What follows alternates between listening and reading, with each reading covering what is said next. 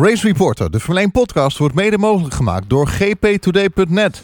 Welkom bij Race Reporter, de Formule 1 podcast. Met een nabeschouwing op de gisteren verreden Grand Prix van Eiffel op de Nürburgring, waar Lewis Hamilton alweer zijn zevende race van het seizoen wist te winnen. Aantal leuke statistieken. Lewis Hamilton pakte hier zijn 91ste overwinning, waarmee hij het record van Michael Schumacher evenaart. Kimi Räikkönen reed zijn 324ste Grand Prix en is daarmee recordhouder. Het was de eerste keer in het hybride tijdperk dat er zowel een door Mercedes, Honda en Renault aangedreven auto op het podium stond. Daniel Ricciardo gaf Renault hun eerste podiumplaats sinds Nick Heidfeld in de Grand Prix van Maleisië 2011. En het was Ricciardo's eerste podium sinds Monaco 2018. Ik ben Lucas Degen en we zitten hier in Haarlem in ons vaste onderkomen. En voor het eerst in drie races weer het vaste team bij elkaar. En voor degenen die niet meer weten hoe, uh, waar dat vaste team uit bestaat. Heren, stel je nog even voor. Nou, ik ben uh, Charlie Elving, echte petrolhead. Passie voor podcasten. En uh, doe ik nog wat dingen met marketing.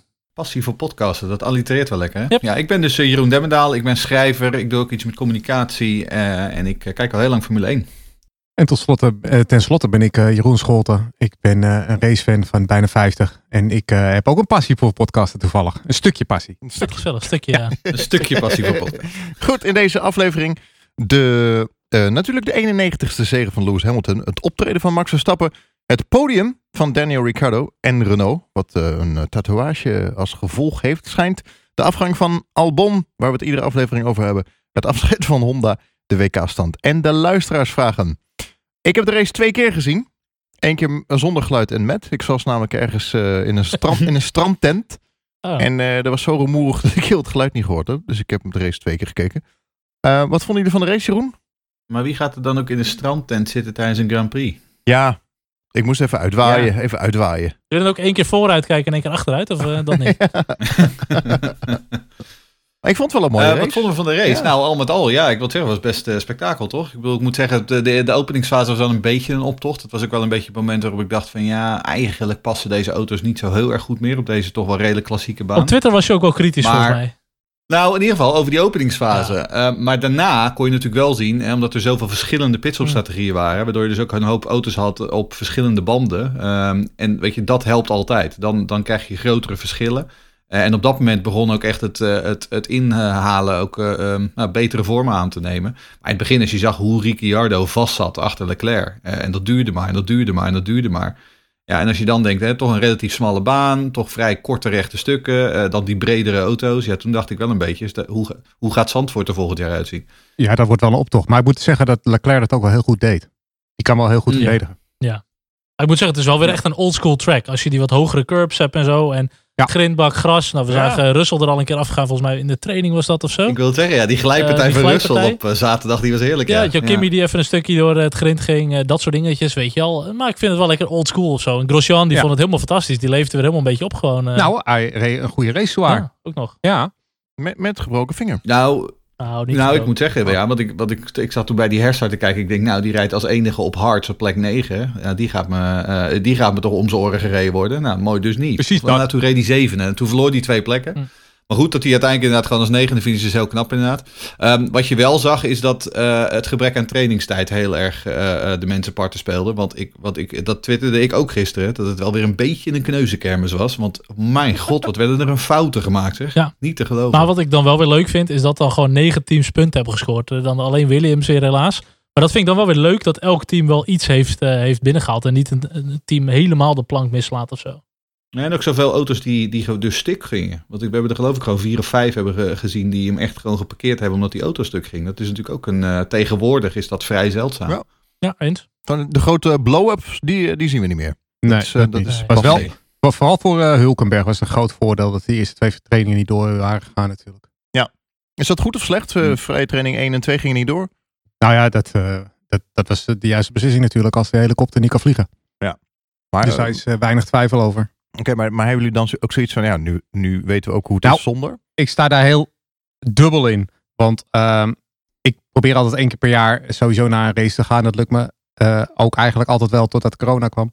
Eh, en dan vind ik eigenlijk, ik vind die vrijdag altijd een superleuke dag op het circuit. Ja. Dan is het rustig, relatief, je kan overal nog bijkomen, je kan een pitwalk Klopt, ja. maken en al dat soort dingen meer. En dat ga ik ontzettend missen als het er niet meer is. En dat alleen maar omdat ze graag naar de 25 races willen. En voor mij hoeven we helemaal geen 25 races, want ik wil Sochi en Melbourne en al die troep mag er van mij allemaal af. Nou, ik wil het zeggen, ik vind 22 al vrij veel, als ik eh, heel eerlijk ben. Maar goed. Eh, we hebben ook een vraag van Harry de Groot. Die vraagt, ehm, de coureurs in de Formule 1 die zijn behoorlijk eensgezind over het afgeschaffen van de vrije training op vrijdag. Eh, zelf denk ik ook dat daardoor de rijvaardigheid van de coureurs belangrijker wordt. Wat is jullie mening daarover? Ehm, ja, ik ben wel een beetje ouderwets als het om dit soort dingen gaat. Ik vind die vrijdag ook gewoon heel erg fijn. Uh, ook omdat het, um, dat is ook gewoon heel persoonlijk. Uh, dat is ook gewoon de start van het weekend, uh, wat mij betreft. ik zit op vrijdag vaak nog op kantoor. Maar dan heb ik mijn iPad gaan openstaan. En dan heb ik met geluid uit, heb ik alvast de vrije trainingen aanstaan. Weet je, dan ben ik op die manier ben ik me een beetje aan het voorbereiden op, die, op het raceweekend dat komen gaat. En ja, ik vind het altijd wel fijn. Gewoon zo'n soort bewegend behang op de achtergrond. Ja, en... Um, dus ja, wat mij betreft hoeft het, hoeft het echt niet weg. Ik ben wel benieuwd hoe, het in, hoe ze dat in Imola op gaan lossen. Uh, hoe, de, hoe dat uitpakt, zeg maar. Uh, als het echt, zeg maar, hè, by design is. Want het was nu natuurlijk wat jij zegt, vooral omdat uh, ze op vrijdag niet konden rijden. Wat natuurlijk voor Mick Schumacher in Callum Island wel heel lullig was. maar ja. ja, ik ben wel een fan van die vrijdag. Ja, ik denk dat dat het vooral is dat het nu wat onverwacht was. Dus ze hebben al hun planningen wel gemaakt op meerdere trainingen. Dus dan moeten ze daar omheen werken. En dan wordt het ineens krap.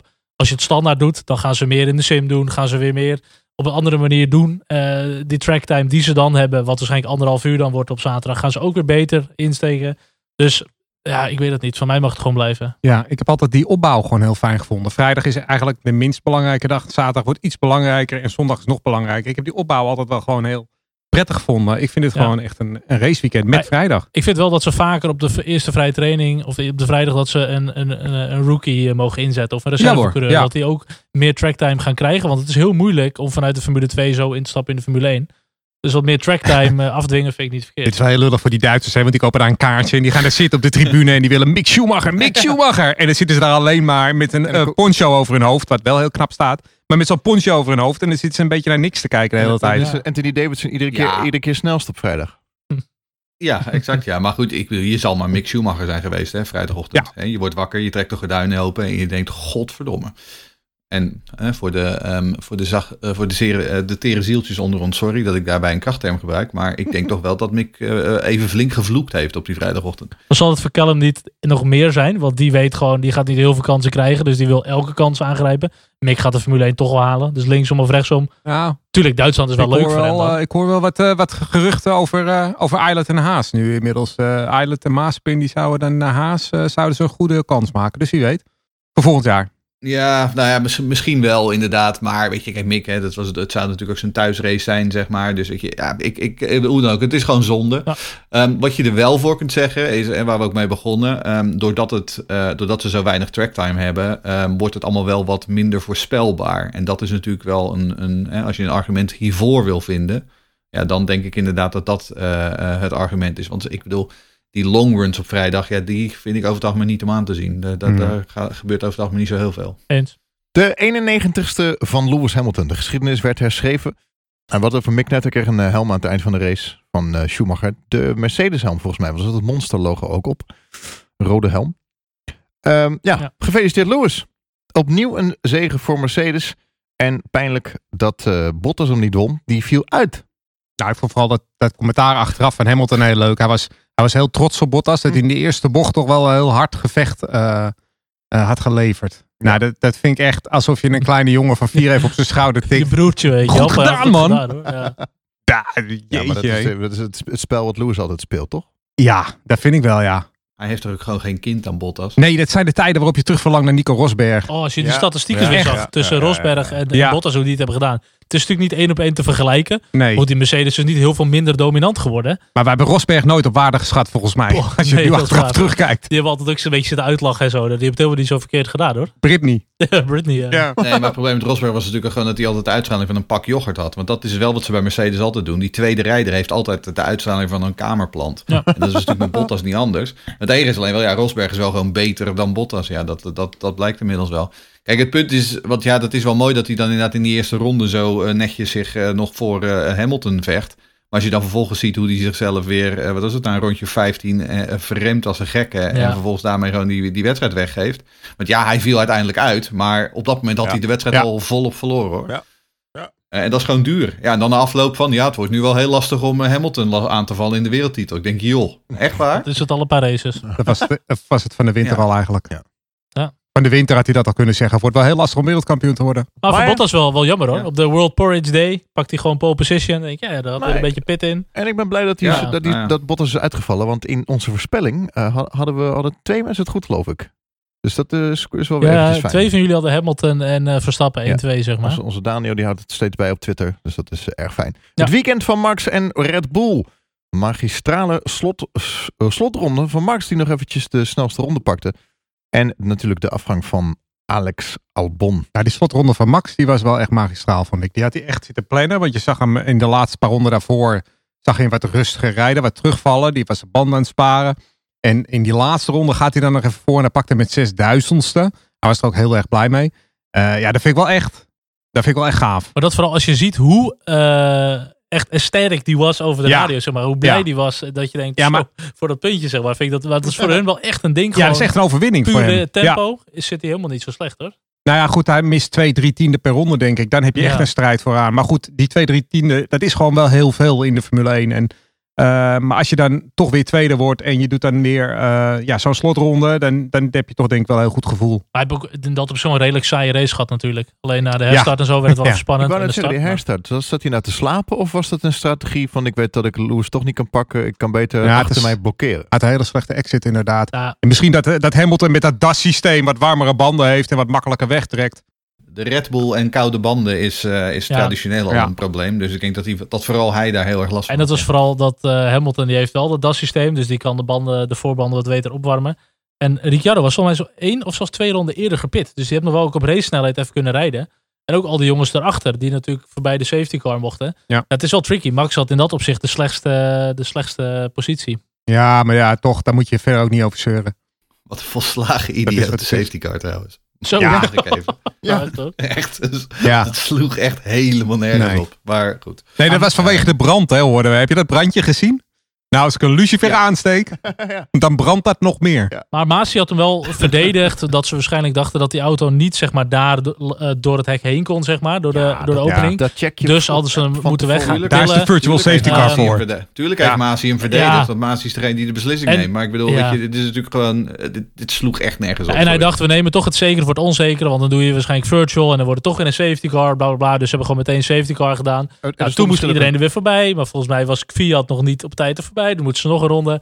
Ja, het is, maar goed, wat eh, Jeroen Demmendaal wel zegt, het is dan toch een beetje richting Amerika, spektakel, eh, Ja. level playing field, iedereen weer bij elkaar. En dan hebben we weer even wat spanning in de wedstrijd. Ja. Ik vind dat op zich niet eens heel Nee, oké, maar ga daar niet lopen lullen over eh, brandje en, en al dat soort dingen meer. Zeg daar gewoon hoe het is. Haal die virtual safety car sowieso uit het reglement. Laat dat dan, hè, doe dat dan niet meer. En, en kom dan Hmm. voortaan altijd maar met zo'n safety car.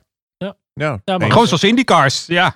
Dan wordt het wel heel Amerika natuurlijk. Want ik bedoel, in Amerika hebben ze ook de, de virtual safety car niet. Ehm, maar dan wordt het ook wel echt een hele andere sport. Want ik bedoel, het duurde nu ook heel lang. Hè? Eh, daardoor o- ook omdat ze natuurlijk al die, eh, die achterblijvers zeg maar een ronde in wilden laten halen. Ja, eh, op een gegeven moment, eh, ik, ik snapte ook het, eh, eh, het geëmmer van Hamilton en Verstappen over die radio wel. Van, eh, van mij mogen we weer, jongens. Maar het schijnt dat eh Bernd Mi- Meilander, die, eh, Mhm. die zit echt te trappen hè, in die safety car. Altijd. Die Altijd, ja, niet, die eh, is altijd zo. Ja, hij is niet helemaal eh, gelijk met de Formule 1 auto natuurlijk. nee, Nee. nee, klopt. Maar goed, ehm, gaan we het nog hebben over Albon? Want ja, ik denk dat we daar wel weer een Nou, uur... we hebben maar, eh, wat is? We hebben slechts vier vragen over Albon. Dus eh, laten we hem toch maar even aansnijden. hè. kunnen we er dus een uur- Albon. Ja, we kunnen het er een uur over hebben. Het wordt, eh, het wordt steeds gênanter. V- Vraag binnenkregen van eh Rien Ad. Ja, die vraagt de opmerking van Albon en gevolg voor zijn toekomst. Dat is niet echt een vraag, dat is meer een statement. Maar ik gok dat het inderdaad gaat over het statement van Albon die over de radio klaagde. They raced me so hard. Ongeacht of dat een opmerking in het algemeen was, of ongeacht of dat een opmerking richting de Alfa Tauris was, waar hij op dat moment mee bezig was. Zulke dingen zeg je natuurlijk gewoon niet over de radio. Dat, dat, nee, vooral nu niet. Ehm, als, je, als je al in deze positie zit als Albon, moet het ook weer niet te veel van maken, vind ik hoor. Maar goed. Het doet me een beetje aan denken als je dan eh, gaat karten, weet je, met een groepje meiden en zo. En dat die jongens er tussendoor aan het rijden zijn. En dat die meiden allemaal een beetje bang worden van, ja, maar ze rijden zo hard, weet je wel. Ja. Dat die meiden dan toch een beetje bang zijn. Daar doet het echt aan denken.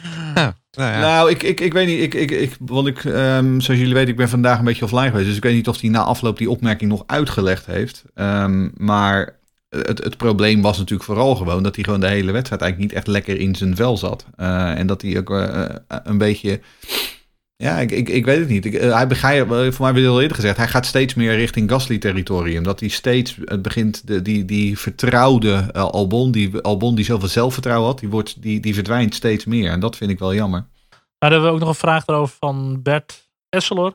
Die vraagt, zorgt het beleid van Red Bull, wachten met eventueel verlengen van contract Albon, of aankondiging nieuwe coureur, voor te veel spanning bij Albon, zodat hij gaat forceren en daardoor fouten maakt?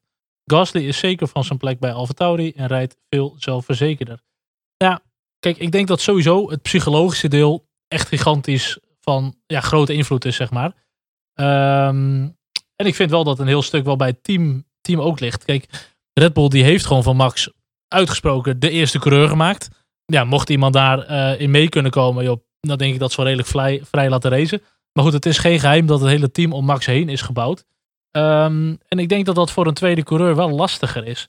Um, maar dan Max zelf, als je naast Max rijdt, en dan vergelijk ik dat een beetje met een soort van Rico Verhoeven. De manier waarop Max eigenlijk zijn teamgenoten vakkundig gewoon demonteert.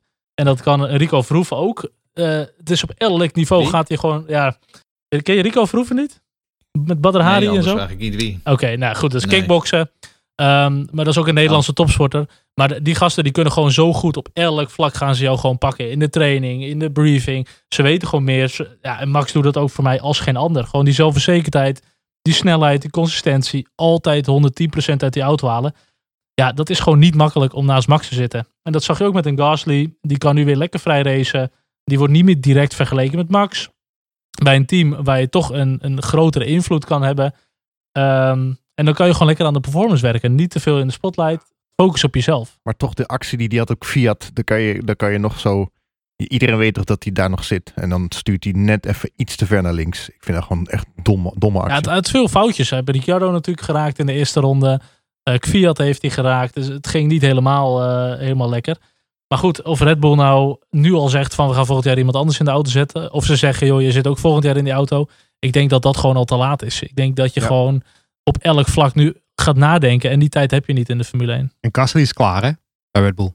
Aan alles dat merk je gewoon, alles hoor je. Dat, ja. Ondanks zijn prestaties, want die zijn gewoon uitstekend. Maar uh, alle opmerkingen die je hoort, zowel van Gasly als van Red Bull zelf, die, is gewoon, die komt niet meer in die Red Bull stoel. Die heeft alle bruggen achter zich verbrand. Die heeft ruzie gemaakt binnen het team blijkbaar. En met Newey een keertje ruzie gemaakt. Die is gewoon klaar. Ja, en ik denk ook dat die, dat die ook gewoon mentaal afgeschreven is door uh, de leiding van uh, Red Bull. Ik denk dat die vorig jaar iets gezien hebben bij Gasly, waarbij ze hebben gezegd van ja, dit, dit gaat het gewoon niet meer worden. Um, kijk, wat, het, een beetje de natuur van deze vraag. Ja, zorgt het beleid van Red Bull voor te veel spanning bij Albon? Nou, dat weet ik niet, want dit is namelijk topsport. En het punt is, dit is precies wat het beleid van Red Bull is. Het beleid van Red Bull is, is van die jonge gasten pakken, ze onder absolute druk zetten. En bij jongens als Ricciardo en als Verstappen en als Vettel, die komen eruit en die, eh, onder die druk eh, ontstaat een werkelijke diamant. Maar er zijn er natuurlijk ook zat, uh, de Buemis, de Alguersuaris, de Bourdes van deze wereld, die het gewoon niet redden onder die druk. En dat is met Albon volgens mij uiteindelijk toch ook gewoon uh, maar het geval. Zelfs Ricciardo, en die was natuurlijk van een veel hoger kaliber, die zat al bij Red Bull, begon Max hem gewoon langzaam aan uh, steeds meer grond te pakken ten opzichte van Ricciardo. En ik denk dat die ook aanvoelde van, ja, het team gaat nu nog meer om, om Max draaien. Ik moet nu gewoon wegwezen. En dat zou ik voor Gasly ook aanraden. Ga zo'n soort van Carlos uh, Sainz route. Misschien Hmm. kan je een keer bij Renault of bij Haas of, of Ja, whatever. maar je moet wel weg kunnen. Hè? Moet je wel zit weg ook aan een contract vast nog een nee, jaar. nee, absoluut hoor. Maar eh, blijven Maar- zitten voor hem zal hem ook geen, eh geen windeieren Maar. Red Bull is niet op zoek naar een Ricciardo. Red Bull is op zoek naar de volgende wereldkampioen. Ehm, Absoluut. en Red Bull is dus op zoek naar iemand van de buitencategorie. En dat was Vettel in zijn beste dagen. En dat is Verstappen op dit moment. Ehm, kijk, en dan is inderdaad de vraag van hè, wie moet er dan naast? Hè? Eh, ehm, eh, want als Albon eruit gaat en Gasly eh, krijgt die plek niet meer terug, want die hebben ze ook afgeschreven. Ja, nu gaan dus de verhalen over Hulkenberg en Perez weer rond. En voor mij we het hier vorige keer ook al over. Eh, ik zou Perez een prima ehm, eh, eh, kandidaat vinden. Maar ik denk ook dat Perez, CQ Hulkenberg, daar niet voor een jaartje gaan zitten. Ik denk wel dat die zeggen van oké, als jullie mij willen hebben, dan wil ik een, een contract voor twee, drie jaar. Nou, wil Red Bull daaraan? Ja, Met, dat denk eh, ik wat wel. ze verder nog in die pijplijn hebben zitten. Dat denk ik wel. Want, want als je kijkt Ja, ik hoop het. naar de jeugd dat eronder zit. De Fipsjes eh, van deze wereld en de Ze Lawsons. hebben niet zoveel, hè? Nee, maar die hebben ook nog een paar jaar nodig. Sowieso. Ja. Dus als Ja. je nu een tweede rijder neemt, dan mag hij daar best op zich voor drie jaar zitten. Al moet je twijfelen aan het Hmm. kaliber Perez en Hulkenberg. En ja, Maar het is, het is niet, niet echt Red Bull. eh, eh, het is des Red Bulls. ja maar ja, Maar goed. noodsituatie. Laten we dan de... Maar nood breekt wet, hè, Ja. Lucas? Kijk, op dit moment is het natuurlijk zo. Ze hebben inderdaad een hele lange tijd een bepaalde aanpak geprobeerd. En op dit moment werkt die aanpak gewoon niet meer. Misschien moet je dan op een gegeven moment gewoon eens zeggen van... nou, weet je wat, we gooien inderdaad wat Charles zegt. We gooien gewoon alle ballen op Max. Eh, en daarna zetten we gewoon Perez met zijn 25 miljoen dollar. En hè, dat is een bewezen kracht. En die zal er misschien iets dichterbij zitten. In ieder geval eh, eh, tussen zijn oren iets, eh, hè, iets, iets, Ja. iets stabieler zijn. Nou, ik vind dit seizoen Perez die rijdt ook echt als een, als een dolle. En ik denk dat is ook Mhm. iemand als je die een goede auto geeft, dan kan hij er ook echt nog wel wat uithalen. Maar goed, we hadden nog een vraag van eh, Jan van de Vlucht. Die vraagt, zou Red Bull niet gewoon het juniorenprogramma even moeten parkeren om met Perez, Hulk of Bottas een veel sterker duo neer te zetten? Ehm, ik denk absoluut. Kijk, je ziet wat Red Bull heeft geoogst, vind ik in dat opzicht vrij mager. Met Vettel, Ricciardo, die is natuurlijk op een gegeven moment al weggegaan. Eh, Vettel was natuurlijk wel goed, Max is goed. Maar daarnaast Albon, Gasly te matig, Kvyat te grillig. eh, qua talenten wat er nu in de opstapklasse zit. Ja, met Vips gewoon te weinig ervaring. Heeft zich niet kunnen bewijzen dit jaar. Tsunoda, wat goede races. Maar ook niet dat dat het nou gaat zijn. Nou, helemaal niet voor Red Bull. Nou, dan heb je nog de jongens zoals Lawson. Nou goed, de rest ga ik niet eens noemen. Maar ik denk, Red Bull moet nu gaan handelen voor volgend seizoen. Want daarna krijg je heel veel regelwijzigingen. Wil je een stabiele kracht hebben? Ik geloof echt dat een ervaren, of een nog meer ervaren coureur dan Max naast hem alleen maar goed zou zijn. Dus een Perez of een Bottas of een Hulkenberg. Ja, ik zeg prima. Gewoon een volwassen team. Nou ja, goed, Perez moet je natuurlijk wel afvragen of die een tweede man kan spelen. Dat was bij eh, Racing Point, was, of voor India toen nog, was het met Ocon niet altijd even, even geweldig. Ja, maar wat is tweede man spelen? Als Max Nou ja. sneller is, ben je vanzelf tweede man. Ja, maar dan ging het niet met zijn teamgenoot niet heel erg goed. Nee. Hulkenberg denkt dat hij wat meer inschikkelijk is daarin. Maar is die Dus- weer snel genoeg? Maar wat is, goed, wat is dan de opdracht? Is dat oké, je moet eh, Max, eh, je moet de Eddie Irvine eh, gaan spelen, je moet de Bottas Ja. blokken en je moet... Je moet, binnen, je moet Ja. rond de drie tiende achter Max zitten. Je moet eh, Max rugdekking geven en je moet zorgen dat je Ja. zoveel mogelijk punten pakt. Dat is de opdracht. Nou ja, maar dit, dit heb jij al zo vaak gezegd. Hè? Max mist rugdekking. Ja, Ehm, absoluut. eh, die Botta- Bottas, heeft dat, Bottas eh, ver- verzorgt hij wel voor Hamilton. En, maar Max heeft dat niet. Nou ja, dan inderdaad is iemand als Perez of Hulkenberg. Ja, dat is toch gewoon een meer bewezen kracht. Ik, nogmaals, ik, ik denk nog steeds dat Perez beter is dan Hulkenberg. Dus dat zou mijn voorkeur zijn. Plus hij, hij is 25 miljoen meer, dollar meer waard. Ja. Ehm, Ja, maar dat, ja. iemand, iemand, iemand, iemand van dat kaliber, ehm, absolute top? Nee. Maar solide. eh, en, en iemand die er waarschijnlijk wel wat beter dichtbij zal zitten dan een paar van die jonkies. Ja, dat denk ik toch wel. Maar Hulkenberg verkoopt denk ik meer Red Bull blikjes. En dat is voor Red Bull denk ik wel... Ik weet het niet. De. Mexicaanse markt wil Dat daar nog... ik eh. Ja, het is een, eh, een hele frisse jongen natuurlijk. Hij heeft een enorme schare fans. ja. Ja, Kapsel. kapsel, stoer kapsel heeft hij. Eh, en elk een, een soort stoppelbaard. dat is toch wel stoer. Stoffelbaard? Ja, Stoffelbaard. Een stoffelbaard. Stoffel Ja. zat trouwens lekker te Xbox hè, dit weekend. Perez is ook hartstikke populair in Mexico natuurlijk. We gaan het zien. Nog een vraag gekregen van Sjoerd Druiven. Ja, die vroeg naar aanleiding van een, een, een tweet van mij, eh, die ik vanochtend eruit gooide. Vraagt hij, waarom vond je Albon eh, Formule 1 onwaardig? Dat zei ik inderdaad vanochtend. Ik zat vanochtend nog eventjes eh, de race na te kijken. En toen zag ik vooral die start. En het grappige is dat Hamilton en Bottas hadden natuurlijk dat gevecht. En die gingen dan eh, bocht 2 in. En eh, Hamilton had bij het uitgaan had, eh, had hij een momentje en had hij wat minder tractie. En Verstappen kwam daar meteen op te zitten. En die keek even aan de binnenkant. En die bedacht, ik ga niet doen. Ik sluit aan achter Hamilton. En ik, ik, ik ga gewoon als derde verder. En twee seconden daarachter, daar gebeurde natuurlijk hetzelfde met Albon en Ricciardo. Alleen dat gat was nog groter. En Albon, die denkt dus niet van, nou ja, het is hier 12 graden wegdek. Het is hier steenkoud. Ik heb hele koude banden. Weet je wat, ik ga hem gewoon lekker uitremmen daar. En die ramt dus bijna Ricciardo eraf. Eh, die heeft een flat spot, moet na een paar rondjes al naar binnen om zijn banden te wisselen. Vervolgens later in de race nog een keer een flat spot geremd. Hij heeft nog het incidentje met Fiat. Ehm, ik vind Albon als rijder zeker niet Formule 1 onwaardig. Maar dat optreden gisteren was echt ontzettend slecht. En dat, dat vind ik wel, eh, zoals hij gisteren reed, dat vind ik wel een beetje F1 onwaardig, ja. Dat, dat hoor je niet te doen, zeker niet bij zo'n team. Nee, En, en als er iemand is die laat remt, is het Ricciardo wel. En die ga je proberen uit te remmen. Maar, Ja, maar goed, wel op, de, op die koude banden in, in bocht 3 moet je dat eh, op een positie waar het al niet makkelijk is, daar moet je dat niet doen. Ricciardo kwam gelukkig gewoon echt goed weg. Gelukkig wel dat Ricciardo door kon rijden, want anders is het natuurlijk helemaal een ramp. Maar goed, ja, we gaan het eh, iedere aflevering over hebben. Over Albon.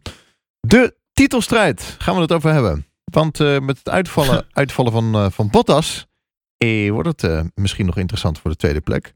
Hamilton natuurlijk nog aan kop. Spanning achter de top 3. Hamilton heeft 96 punten voor op Bottas. Nou, en wat ik nog het meest frustrerende vind, is dat zelfs met pech Dat Hamilton altijd met die stuurinrichting een beetje, gisteren volgens mij in de kwalificatie al. En ook bij de start klaagde hij erover in de opwarmronde. Zelfs met pech heeft Hamilton altijd weer geluk. Dan is Bottas een keer sneller, heeft hij ook weer geluk. En dat vind ik zo irritant. Het zit de jongen ook nooit eens echt, echt goed tegen, zeg maar. Natuurlijk, hij heeft wel zijn uitvalbeurtje, maar relatief gezien heeft hij altijd gewoon geluk. Ja, vorig jaar ook uh, Hockenheim.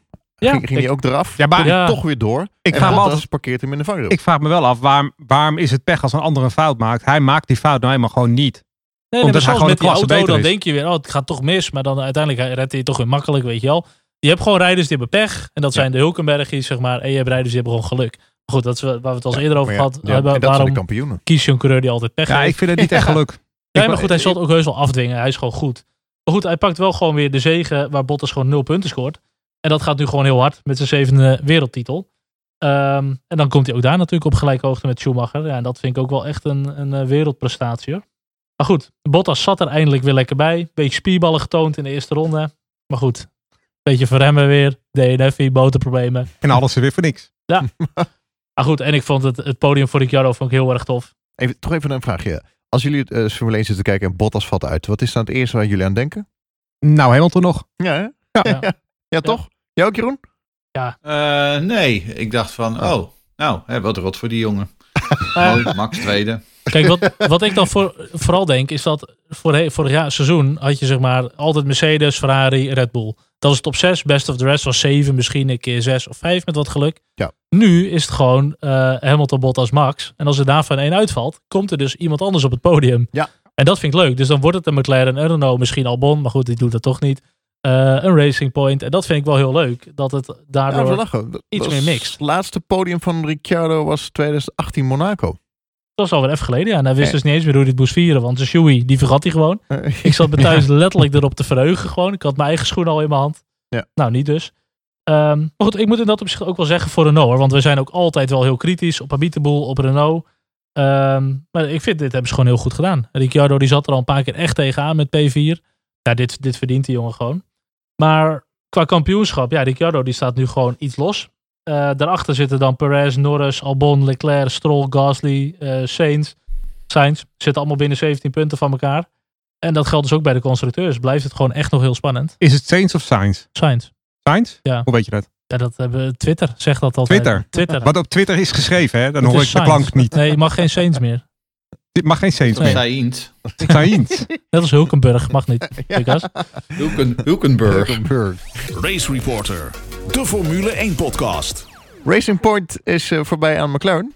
120 punten. McLaren heeft er 116 en Renault 114 inderdaad. Je bedoelt Aston Martin. Oh ja, Martin. Aston Ja. Martin, ja. Stroll Racing. Nee, goed, ook daar blijft het Racing. natuurlijk ongekend, eh, ongekend spannend gewoon. Ja, Ferrari haakt af, hè? 80 puntjes. Ja, wel een beetje. Ja, die staat 34 punten achter op Renault nu. Eh, Nou, wat, wat was Ja, er daar? ja. Luke Smit die, eh, die tweette dat gisteren dat Hulkenberg in de laatste negen races meer punten had gehaald dan Sebastian Ja. Vettel of zo. Ja, dat ja, was wel een statistiekje. ja, zeg maar, ja.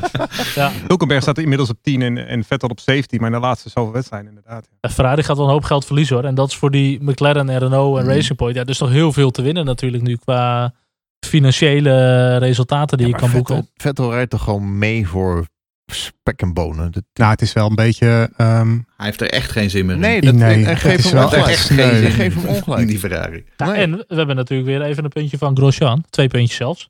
Dus dat vind ik dan wel weer leuk. ja, maar dat zeg ik. Die Grosjean. Giovinazzi. Ik ook. Giovinazzi ook nog. Die, die, was, Ja. die was zaterdag met de kwalificatie vond ik hem echt al goed.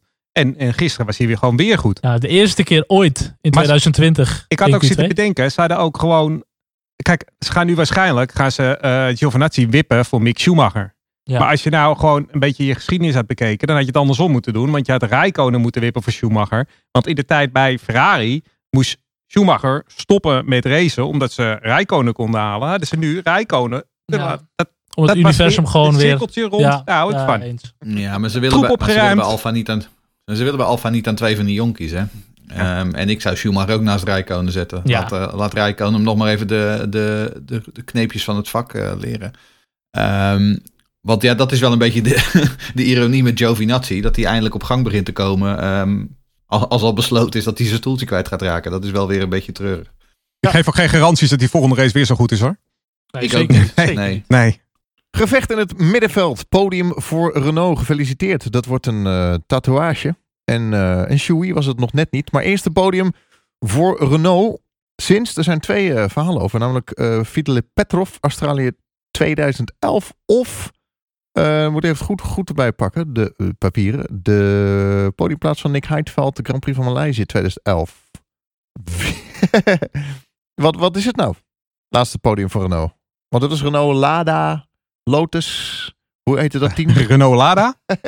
Dat vind ik wel Renault gaaf. Lada. Ja, dat- dat, dat team. stond erop vanwege Ja. Vitaly Petrov destijds. Ja. Nou ja, het is, eh, zover ik weet is het Vitaly Petrov geweest, maar eh, het mag voor mij ook eh, Ik, best. ik ben niet zo'n statistiek Nee. fetischist ook. mij heel was wel Ik weet dat andere mensen daar iets anders over denken, maar Formula1.com had het Ik, over Maleisië. Ja, dat zou kunnen, maar goed, het is een race later geweest, dus eh, prima. Nicky. Heidveld. 2011. Ja, Heel goed. Dat is het, eh, Nick Heidveld. Podiumplek voor Renault. Gefeliciteerd. En eh, ik, eh, ik ben Charles, jij had er ook in je voorspelling Ric- Ricciardo derde. Nee, ik niet. Wie was Nee. dat dan? Iemand had het, had het Van Ricciardo? Kesteren, sowieso. Oh. Ja, klopt. Ja. Ja. die had het inderdaad ook gezegd. Ehm Mike Ricciardo. Wel een goede keus door naar McLaren te gaan. Ja, die vragen we ook al gehad met eh Sainz. Of die er goed eh, aan doet om naar Ferrari te gaan. wilt Sainz. Sainz. Sainz. Ja. Ja, ik, ik weet dat, dat heel veel mensen vinden van dat het wel een goede keuze is, maar ik zou toch wel twijfelen hoor nu. Ik vind Renault echt, eh, echt grote stappen geven. Het is een fabrieksteam. Eh, uiteindelijk eh, heeft Renault ook eh, zich gecommitteerd dat ze voorlopig nog wel in de Formule 1 blijven. En ik weet dat eh, Jeroen Demmendaal eh, denkt dat McLaren de juiste keuze is. Ik zou toch wel een beetje achter morgen krabben momenteel. Ik zeg niet dat Renault volgens eventjes gaat winnen. Dat is onzin. Maar ze zitten wel echt in de stijgende lijn. En uiteindelijk is een fabrieksteam... Als je ooit wereldkampioen wil worden, moet je bij een fabrieksteam zijn en niet bij een klantenteam. Ik denk dat het een goede keuze is. Want Ocon is Fransman en die gaan ze helemaal naar voren schuiven. Nee, want die heeft zijn eigen problemen Ja, op dit dat- moment. Dus. ja. Ja, wat Ja, Ja, maar Ricciardo gaat sowieso nooit wereldkampioen worden. Dus het maakt uiteindelijk niet uit of hij bij Renault of bij McLaren rijdt. Nou ja, ja. nog steeds McLaren. En ik denk dat McLaren met Mercedes motoren straks de Dat. betere keuze is. Ik denk liever dat je-. Dus Renault heeft, al, Renault heeft al eerder een stijgende lijn gehad, hè, een paar jaar geleden. En toen vervolgens eh, vielen ze heel hard weer af van die stijgende lijn. Ja. Dus, Ja, maar toen hadden ze 1000 pk. Ik denk inderdaad liever een McLaren met een Mercedes dan een Renault met eh Nee. Renault. Met een, met een, met een Lada. Met een Lada. Nee, Renault gaat volgend jaar beter doen dan McLaren. Eh, Ja, ja, volgend jaar misschien nog wel. Maar daarna? Ja, ik weet het niet. Oké, nou, een tegenvallende Ocon deze race. Ja, dat moet ik wel zeggen. Dat is, eh er was niet ook een alleen vraag deze race, over. Wouter de Ruiter Ja, die dat vraagt. is het hele seizoen al inderdaad. Ja. Wouter de Ruiter die vraagt. Esteban Ocon is de eerste elf races compleet overvleugeld door Daniel Ricciardo. Ook verandert deze situatie niet gedurende het seizoen. Iets dat je wel zou verwachten na het jaar zonder competitie voor Ocon. Hoe waarderen jullie zijn prestatie tot nu toe? Nou ja, ik moet eerlijk zeggen. eh, ik ben altijd wel een fan van de man geweest. Qua karakter en qua talent. Eh, Hmm. Zoals de meesten wel weten. Hm. Maar ik moet heel eerlijk zeggen, het valt mij ook niet mee.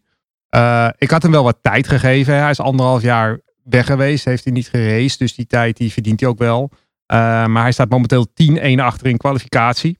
Op Ricciardo moet ik wel zeggen dat Max in zijn eerste 11 races 8-3 achter stond. In kwalificatie op Ricciardo. Ricciardo is wel een pittige tegenstander.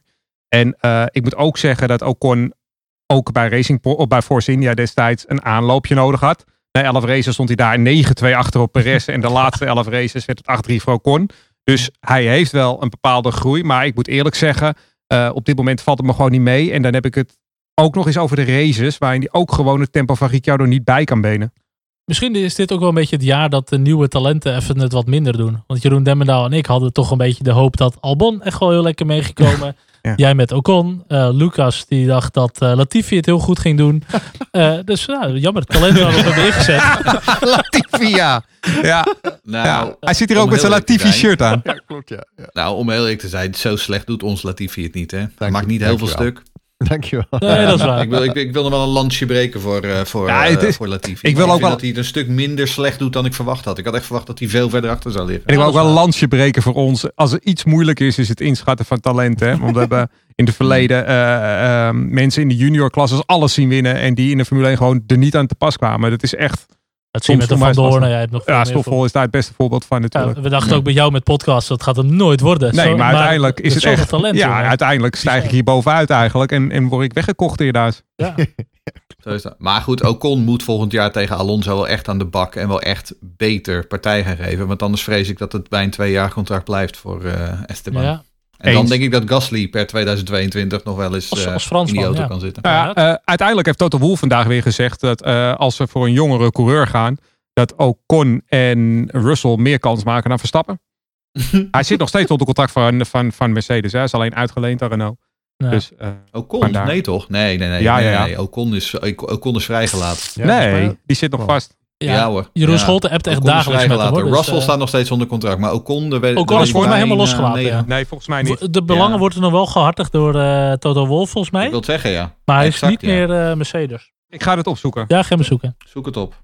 Stroll, die is wel ziek afgelopen weekend. En Hulkenberg, ik zeg het eindelijk een keer goed, die kreeg een last minute kans bij Racing Point. En hij deed het goed. Driver of the day. Wat vinden jullie van zijn optreden in de Pink Panther? Ik vind het knap. Ik vind als je met zo weinig tijd, en natuurlijk die andere coureurs die hebben ook maar één training gehad. Maar als je zo last minute, zo koud in zo'n auto moet springen. Een auto waar je eh, twee races volgens mij in hebt gereden. eh, toch alles vrij onbekend. Ja, ik vind dat super knap. Vanaf eh, P de laatste gewoon tot aan P8. Hij zei ook volgens mij achteraf dat hij over de boordradio zo goed als niks had gezegd. Hij heeft zich gewoon vastgebeten in dat stuur.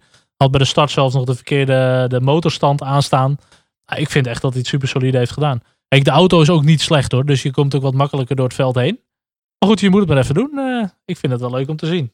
Ja, het is ook gewoon leuk voor Stroll Grand Prix dat ze nu gewoon een keer twee goede coureurs in een auto hebben zitten. Dat vond ik wel, echt- vond ik wel leuk. Hè, In plaats van een goede en een nou, aardige coureur. Ehm, ja, ik vond, ik vond Hulkenberg echt heel goed. Eh, heel sterk. Goede strategie ook. Ze, ze hadden hem ook gewoon qua, qua pits op tactiek hadden ze hem ook gewoon goed eh, eh, ingeschat. Ehm, dus ja, en hij, wat dat betreft, als je ziet, ik vond het al sowieso heel knap dat hij, wat, hoeveel, hoeveel liet hij, kwam hij tekort op Q2 op zaterdag? Drie tiende? Eh, nee, iets van viertiende volgens mij. Daar stond, daar stond ik al van te kijken. Dat is, het is zo ongelooflijk knap als je te- tegen 19 andere van die hyper-competitieve gasten rijdt, zeg maar. En je moet er gewoon cold turkey in die auto stappen. Om het dan toch wel nog zo dicht, eh, eh, zo snel weer op gang te zijn. Ik vond het heel knap. Nou, knap. Ja, hij was achttiende om zeg maar Q2 te halen. En hij had maar twee tiende laten liggen ten opzichte van Rijkonen. Dus dat is, echt niet is slecht. Is het bekend wat er met Stroll aan de hand is of niet?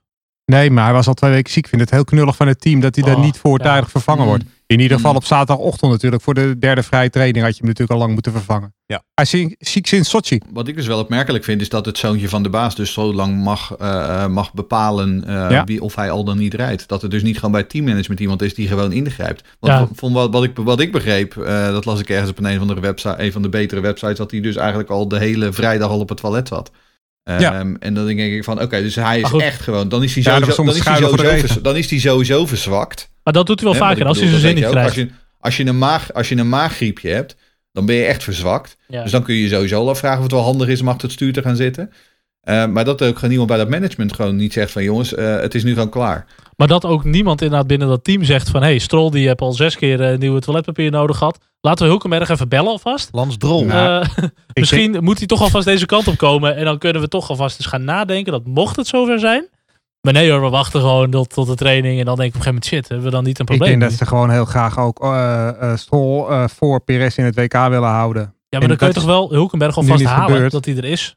Dat ja, nee, dat Stroll sowieso. Maar ik denk dat ze, dat ze vanuit het team ook gewoon heel graag Stroll erbij willen houden. Ehm, ook voor Perez in het WK willen hebben. Dat is nu dus niet gebeurd, want Perez is met P4 natuurlijk er ver overheen gegaan. Al de aanstaande updates moeten dus eigenlijk volgens hun theorie nu weer naar Perez gaan. Ja. Dus dat gaan we in de gaten houden. Zou wel heel leuk zijn. Vind ik wel eerlijk, ja. Ja, Maar ik geloof er niet in. Ja, maar wat jij nu, wat jij nu doet, jij, jij past nu logica toe op het beleid Ja. van eh Stroll Grand Prix. En dat, dat is Nou, sowieso niet van Kijk, Euro's. ze hadden natuurlijk de vorige keer ook kunnen zeggen. Wij geven eh, de updates aan de coureur die bij ons team blijft. Daar is ook nog wat voor te zeggen. Maar ze hebben heel duidelijk gezegd. We gaan naar degene die bovenaan staat in het WK. Dus dan moet je dat nu hanteren. Ja. Ah, ik vind Ja, Perez ook, die verdient het wel. Die heeft echt een, mega goede race gereden. Lekker inhalen, eh, eh, goed verdedigd, mooie actie op Norris. Hij zet alleen bij Leclerc weer even één keer de deur open. Ik dacht, nou, dat had eigenlijk niet gehoeven. Nou, Ja, ik het, is vond, bijna eh, alsof ze, ze- het is bijna alsof ze hem niet hadden moeten ontslaan. ja, dat zou je bijna zeggen. Leclerc. Updates Ferrari werken goed. Maar is dat wel zo? Nou, ik vond hem in de race heel zwak. Ferrari. Ik vind hem in de, in de kwalificatie. eh reed in wereldronde. eh, en werd die vierde. Ja, echt waanzinnig. Echt waanzinnig. Die jongen die kan zo verschrikkelijk goed sturen. Eh, maar in de race, ja, daar reed hij ook prima. Want hij verdedigt zichzelf goed en alles. Maar daar, daar valt Ferrari heel, heel ver terug hoor. Maar het verschil tussen Leclerc en Vettel, dat vind ik Dat is- echt bizar. Ja, Vettel die eigenlijk al bij de start liet hij volgens mij zijn koppeling iets opkomen. Die kon hij snel nog pakken. Toen Ja, ook nog. Ja, ja. Uit bijna Eh, valse start. Leclerc had gewoon echt een hele goede start. Toen had Eh, hij achter eh Giovinazzi nog dat, dat, die spin, Ja, Vettel. En als je dat vergelijkt met Leclerc, die is gewoon echt goed weg. Nou, ze waren op zich alle twee wel lekker aan het vechten. Jo Vettel met Magnussen. Leclerc die kwam van heel ver, ging even Vettel nog even voorbij en zo. Ja. Ze waren op zich wel lekker, lekker aan het racen hoor. Maar ja, Ik heb, ik heb gewoon het idee dat Vettel echt geen enkele stap extra meer zet. Dat hij echt, die rijdt echt op 75%.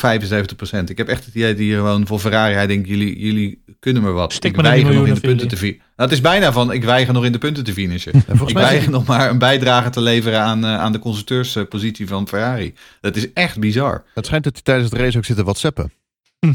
Ja, maar hij zit niet op social media, hè, Vettel. Nee? Dus dat zal Oh. hij niet doen. Uh, Netflixje. Netflixje aan in het stuur zo. We hebben het net al even over gehad. Mick Schumacher zo goed als zeker bij Alfa Romeo. Ja, ga er maar vast. eh, eh, kun, je schrijven? Schrijf dat maar vast op, eh? Op je borst. op, op de rekening. Want eh, nee, wat, natuurlijk, natuurlijk gaat Mick Schumacher gewoon naar Alfa Romeo. Want eh, niet alleen omdat hij bovenaan staat in een Formule 2 kampioenschap. En daarom gewoon een promotie verdient. Maar ook omdat hij commercieel natuurlijk ontzettend interessant is. Ehm, oftewel, ja, Mick Schumacher gaat gewoon die plek van Giovinazzi overnemen. Want eh, volgens de Tam-Tam gaat Rijkonen toch er nog een jaartje aan vastplakken. En dan wordt hij toch een beetje Ja. hè, de... Hoe, hoe is dat ook weer in Star Wars termen? Dan wordt hij de Jedi voor de, voor de jonge Padawan eh Ja. Mick Schumacher. Ehm, Ja. Maar ja, om nou te zeggen dat Kimi nou echt de, de, de, de, de sterren van de hemel rijdt anno nu. Oh, hij was echt zo knellig man. Bij Russell gewoon. Je ziet het gewoon aankomen. En dan klapt hij vol op dat wiel daar zo. Russell bijna over de kop. Echt wel knullig. Maar goed, daar hebben we ook nog een vraag over van eh Jon, Jon Kuipers. Heeft Kimmy de strijd opgegeven? Het lijkt erop dat hij helemaal niks meer voor doet. Rijdt zeker afgelopen twee races op zijn gemak zijn rondjes achteraan. Lijkt hem allemaal niet meer te interesseren. Wat denken jullie? Ja, ik denk dat het hem op dit moment ook niet heel veel kan interesseren. Hij wil gewoon lekker hard rijden. Hij wil gewoon zijn rondjes aftikken. Een beetje vechten. Een beetje, beetje de setup uitpuzzelen. Gewoon zijn ding doen. Ehm, zijn laksheid, die legt op dit moment Laks, hij? een beetje laks. Hij is altijd een beetje laks. Hij stapt gewoon in, doet lekker zijn ding. Eh, hij zegt gewoon wat hij wil. Weet je wel. Hij- En ik denk ook dat, dat die auto gewoon niet vooruit te branden is. Dat helpt ook niet. Hij heeft gewoon niet heel veel meer te winnen in het kampioenschap. Eh, ze doen niet echt mee om de grote knikkers. Dus ik denk dat hij zoiets heeft van, nou, ik vind het wel een beetje gewoon prima. Maar wil hij dan ook wel die rol spelen van zeg maar eh, eh, eigenlijk instructeur voor Mick Mentor. Schumacher? Dat vraag ik me dan af. Nou ja, mentor inderdaad. Want ik wil, om heel eerlijk te zijn, ik vind Kimi helemaal niet het type daarvoor. nee. Nee. Nee. Nee. Nee. Ehm, de- de- en dat is een beetje wat ik. eh, eh, wa- want er werd natuurlijk op. Was het op donderdag, op vrijdag werd er al gezegd van ja, nu, eh, nu is het getekend, nu is het officieel en eh, het wordt dit weekend bekendgemaakt. En toen werd het niet bekendgemaakt. En toen zat ik te denken, ja, maar is Kimi nou echt degene die zegt van jou, ik ga nog wel een jaartje lang eh rijinstructeur spelen voor Mick Schumacher? Ik, ik, ik zie het gewoon niet. En dat, en dat, en dat is het, eh, het enige wat me nog een beetje ehm, doet twijfelen aan al die berichtgeving dat, het, dat hij volgend jaar blijft. Want om heerlijk te zijn, lijkt het me logischer om Hulkenberg ernaast te zetten. Eh, ook gezien hè, de, de banden tussen Hulkenberg en, en Vasseur. Maar ah, Ehm. toch aan de andere kant schijnt Kimi schijnt heel goed te zijn met het ontwikkelen van een auto. En wat we op de Hmm. boordradio horen, hij heeft wel een uitgesproken mening. Hij, heeft wel, eh, hij, hij kan wel ja. een, een soort van leider, leiderschap op zich nemen. En coach. Dat heeft. Alfa Romeo vooralsnog niet zo heel ver gebracht. heb ik Nee, maar dat dat, is ook die Ferrari motor hè, die ze dit seizoen echt parten speelt. En dat vind ik dan wel jammer. Ehm, ja, ik weet het niet met Kimmy. Ik vind hem prima om erbij te hebben. Ik vind hem een mooie gast. Beter dan Ja. sommige pakken jogger die er wel eens rondrijden. Ja, maar ik, Nee, vind, zeker, ik heb het ook maar- wel gezien met Kimmy, moet ik eerlijk zeggen. Net als met Fernando Alonso die weer terugkeert. ik heb het wel gezien. Misschien Ja. wacht hij tot zijn zoontje Robin oud genoeg is om ook Formule 1 met hem te gaan rijden. Dat hij daar nog Ja. een seizoentje mee pakt. Sluit niks Ja. uit. Sluit niks uit. Nee. Hij heeft nu wel het Nou, record ik van Barrichello. Toen hij zijn debuut maakte in 2001 was ik echt een ontzettend Ja. grote Kimi Räikkönen Ja. fan. Ik was echt een hele grote fan. En in zijn McLaren jaren, Ja. ik zat de hele tijd te hopen Ja. dat hij daar eh, kampioen zou worden. Want hij was toen ook zo ongelooflijk goed. Ja. ja. Een beetje wat McLaren, Max, ja. wat Max er nu soms laat zien. Hè? Dat je gewoon dacht van, joh, die, Ja. deze jongen moet toch gewoon vier, vijfvoudig wereldkampioen Ja. worden. Dat, En als je dan terugkijkt, Is er dat niet hij eigenlijk uitgekomen. maar één wereldtitel Ja. heeft. En, En zelfs- daarna eigenlijk toch een beetje uitgedwarreld en is. zelfs die heeft hij toen nog een beetje... Nou, is zijn schoot geworden Ja, wil dat ik niet wel een zeggen. beetje, dat was een beetje... op- Ja. Maar op kwaliteit zeg maar, had hij die niet helemaal gehad. Je had meer Ja. verwacht van Kimmy, absoluut. Nee, absoluut. Maar ja. hij verdiende een wereldtitel op basis van die McLaren jaren. Ja, mij absoluut. Ja, dat. maar absoluut, ja. op basis van zijn resultaten daarna heeft- verdiende hij ook geen eentje extra nog. Nee. Nee, exact. Nee. Want het is echt gewoon, bij hemzelf is het ook ingekakt. Oké. Ja. Breaking news afgelopen week. Of, eh, of al was het alweer twee we- weken geleden. Ik weet het niet eens meer. Het doet eh, pijn in ons hart. Honda gaat eh, de Formule 1 verlaten. En weinig mensen wisten het. Wij waren ook een beetje aan het gissen. Helmoet Marco en de grote baas van Red Bull schijnen het al wel geweten te hebben. Ja, we- we hadden het over Jeroen Demmenau, over de markt, de automarkt. We hebben het de vorige aflevering over gehad. Ik stond hier echt van te kijken. Ja. Ehm, maar aan de andere kant, als je kijkt naar de verklaring die Honda heeft gegeven, dat ze zeggen we willen volledig eh, eh, gaan investeren in elektrificatie en daarvoor hebben we veel investeringen nodig. Eh, en op dit moment investeren we in, een, in de Formule 1 toch best wel een hoop honderden miljoenen dollars in een racemotor. Ja, ik, ik, ik snap dat wel. Ehm, in die zin, ik ik snap wel dat het een, een, het is een herprioritisering, denk ik, wat dat betreft. Ehm, dat is voor mij niet helemaal goed Nederlands, maar eh, ze verschuiven de prioriteiten wat. Ehm, die, die logica die kan ik wel volgen. Het is vooral ook heel Maar erg ik was nog steeds wel verwacht. het is eigenlijk ook heel erg des Honda's hoor. Als je gewoon kijkt in de geschiedenis van Honda, die komen de Formule 1 in en een aantal jaren later gaan ze er weer uit. Eh, en het ergste is nu nog, wat ze in 2008 hadden, toen ze weggingen daar, en toen Button het eh, overnam, met, of Braun het overnam en Bu- Button wereldkampioen wordt, dat zou ze nu theoretisch ook weer kunnen gebeuren als Red Ja, Bull inderdaad ja. die motor overneemt. Hè? Met die lelijke livery. Met die lelijke... li- Die, ja, maar ook wereldbol erop. ook het verhaal met bijvoorbeeld Jos Verstappen, die daar ging testen. Earth en car, dat- ja. Dat ging ook niet door. eh, in Ja, maar Jeroen, eh, Japanners geven nooit op. Nee, dat heb Tom Coronel verteld. Japanners geven nooit op. Behalve Toyota en Honda, die wel. Maar het, het, het verhaal, het verhaal rond Jos Verstappen, dat werd op een gegeven moment, dat werd het eh, BAR Honda eh, programma. Maar we hebben het Dus over... uiteindelijk werd dat alsnog een Honda team. Oké, maar Ja. argument, argument geldt. Eh, we hebben een budget cap en ze blijven wel in de IndyCar. Dus dat vind ik niet helemaal opgaan. eigenlijk. En in de MotoGP, maar in, in die uitleggen. cars wat anders. Oh, die wordt nu onderuit dat, dat kan ik heel twee simpel uitleggen. want ten eerste, ja, ik wil het zeggen. Nou, ten eerste, ehm, eh, beslissing eh, van IndyCar in Amerika. eh, de Honda in Amerika, dat, heeft, eh, dat is puur lokaal. Dus dat wordt besloten door Honda Performance Development. Wat gewoon een Amerikaanse organisatie is. Ten tweede, ehm, daar wordt echt peanuts aan uitgegeven vergeleken met het motorenprogramma in de Formule 1. Ehm, dus nee, dat, dat kun je echt niet met elkaar vergelijken. En daar doen ze ook gema- met gemak vooraan mee. Want dat is allemaal al redelijk uitgebalanceerd. Nou, en het is natuurlijk ook, weet je, het is gewoon, eh, Honda in Amerika is vooral een marketing eh, eh, Ja. eh, exercise. Hè? En in Amerika eh, zijn ze wat minder nog van de elektrische auto's en zijn ze, nou, de hybrides willen ze nog wel een beetje naar kijken, maar daar heeft Honda gewoon een grote positie op de nationale markt te verdedigen. Ehm, maar die Formule 1 investering, waar ze, hoeveel, wat was het, 300 miljoen dollar in de afgelopen paar jaar, of zo, wel- zo niet meer, in hebben gestoken. Dat is echt wel een hele forse investering. Ja. En het punt is, wat ze willen vooral die engineers, die honderden engineers die bezig zijn met die hybride technologie, die willen ze juist eh, eh, op andere projecten gaan zetten. Toch, als je gewoon kijkt naar het verleden van Honda in de Formule 1. En als je kijkt naar het feit dat ze vorig jaar een contract hebben getekend tot het einde 2021 en niet verder dan dat. Plus dan er nog eens bij opstelt dat zij de enige grote partij waren die geen enkel voordeel heeft bij de budget cap. Dus zij blijven groot geld Ja. uitgeven. Als je dat allemaal bij elkaar optelt, is het misschien ook eh, niet zo onverwacht als dat velen misschien denken dat het onverwacht was. Er zit wel Nou, wat achter. Nou, ik, sta, ik, nou ik, kijk, ik ben, ik was van de, ik was, hè, wij hebben het hier meerdere keren over gehad. Ja. Eh, jij zei van, nou, ik weet het nog niet. En ik was er echt van overtuigd dat ze zou blijven. Nou, daar had ik meer met Renault eigenlijk. Ik kon de logica echt niet volgen. Ik, ik dacht van, weet je, ze zijn nu zo dichtbij met Max Verstappen, zeg maar, met Red Bull, zeg Nee, maar. eens. Waarom zou, je de, waarom zou je nu de stekker eruit trekken? Maar ik, ik was hier echt door verrast. Maar ik zag waarom- echt niet aankomen. Waarom zouden ze eind 2008 de stekker eruit trekken? Toen zei iedereen ook, jullie hebben een goede auto in die winter. Met die dubbele diffuser. Mm. Iedereen wist dat het een Mm. winnaar was. En toch trekken ze die stekker eruit. Gek? En toch Ja, merk je in, in het kamp van Red Bull weinig, weinig paniek. En ze lijken wel heel relaxed te zijn, rustig te reageren, goed overwogen eh, beslissingen te maken, weet je, wel, met wat ze misschien willen doen. En dat vond ik bij kan Verstappen iets anders. En dat, je mag misschien niet te veel speculeren, maar weet je, met Max die meteen eh, Red Bull en Honda ontvolgt op Instagram. Nou, daar kan je van alles van vinden en over speculeren. Maar dat laat wel zien dat je denkt, hè, wat gebeurt daar, weet je wel? Zijn zij wel verrast of zo? Of zijn ze heel eh, ontevreden? Of Ja. ik weet het niet. We hebben ook een vraag over Simon Cavallini. Simon Cavallini, denk ik. Helmoet Marco heeft gezegd dat Red Bull het motorische project van Honda wilt voortzetten en graag in eigen beheer wil overnemen. Harde voorwaarde is dat de motorische doorontwikkeling vanaf het Formule 1 seizoen 2022 volledig wordt bevroren. Wat denken jullie? Nou, ik denk dat ze dat inderdaad, eh, eh, dat dat hun voorkeur heeft. Ze willen sowieso eh, liever geen klant worden van Renault, Ferrari of Mercedes. Ehm, ze gaan, heb ik begrepen, inmiddels na het weekend in, in Portugal gaan ze over de motoren praten voor 2026. Dan zal dit onderwerp denk ik ook wel besproken gaan worden. Eh, ze willen inderdaad eh, de boel eh, overnemen van Honda. En dan willen ze misschien met zo'n Andy Cowell heet die geloof ik, hè, die van Mercedes daar weg is gegaan, Ja. die motorguru. eh willen ze daar misschien die motor verder ontwikkelen. Ik denk dat het heel moeilijk wordt om vooral Ferrari te overtuigen dat na 2022 die motor niet meer verder ontwikkeld kan worden.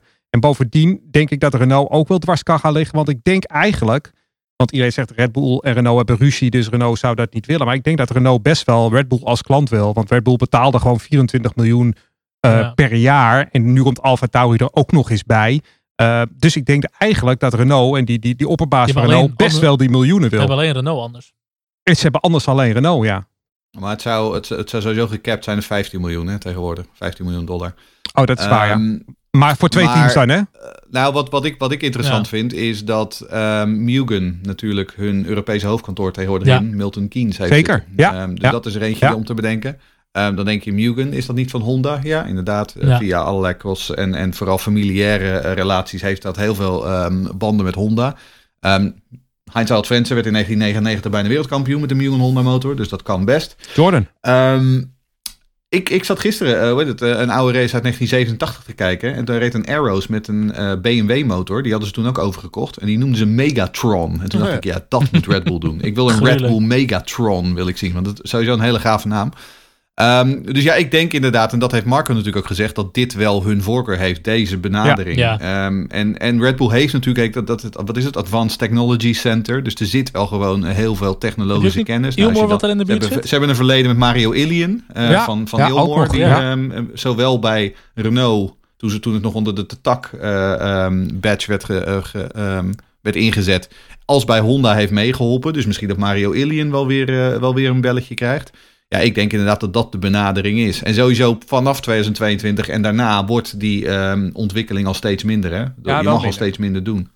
Ja, en Porsche wordt ook genoemd, maar ik denk dat dat echt een longshot is voor hun om een competitieve motor te gaan ontwikkelen.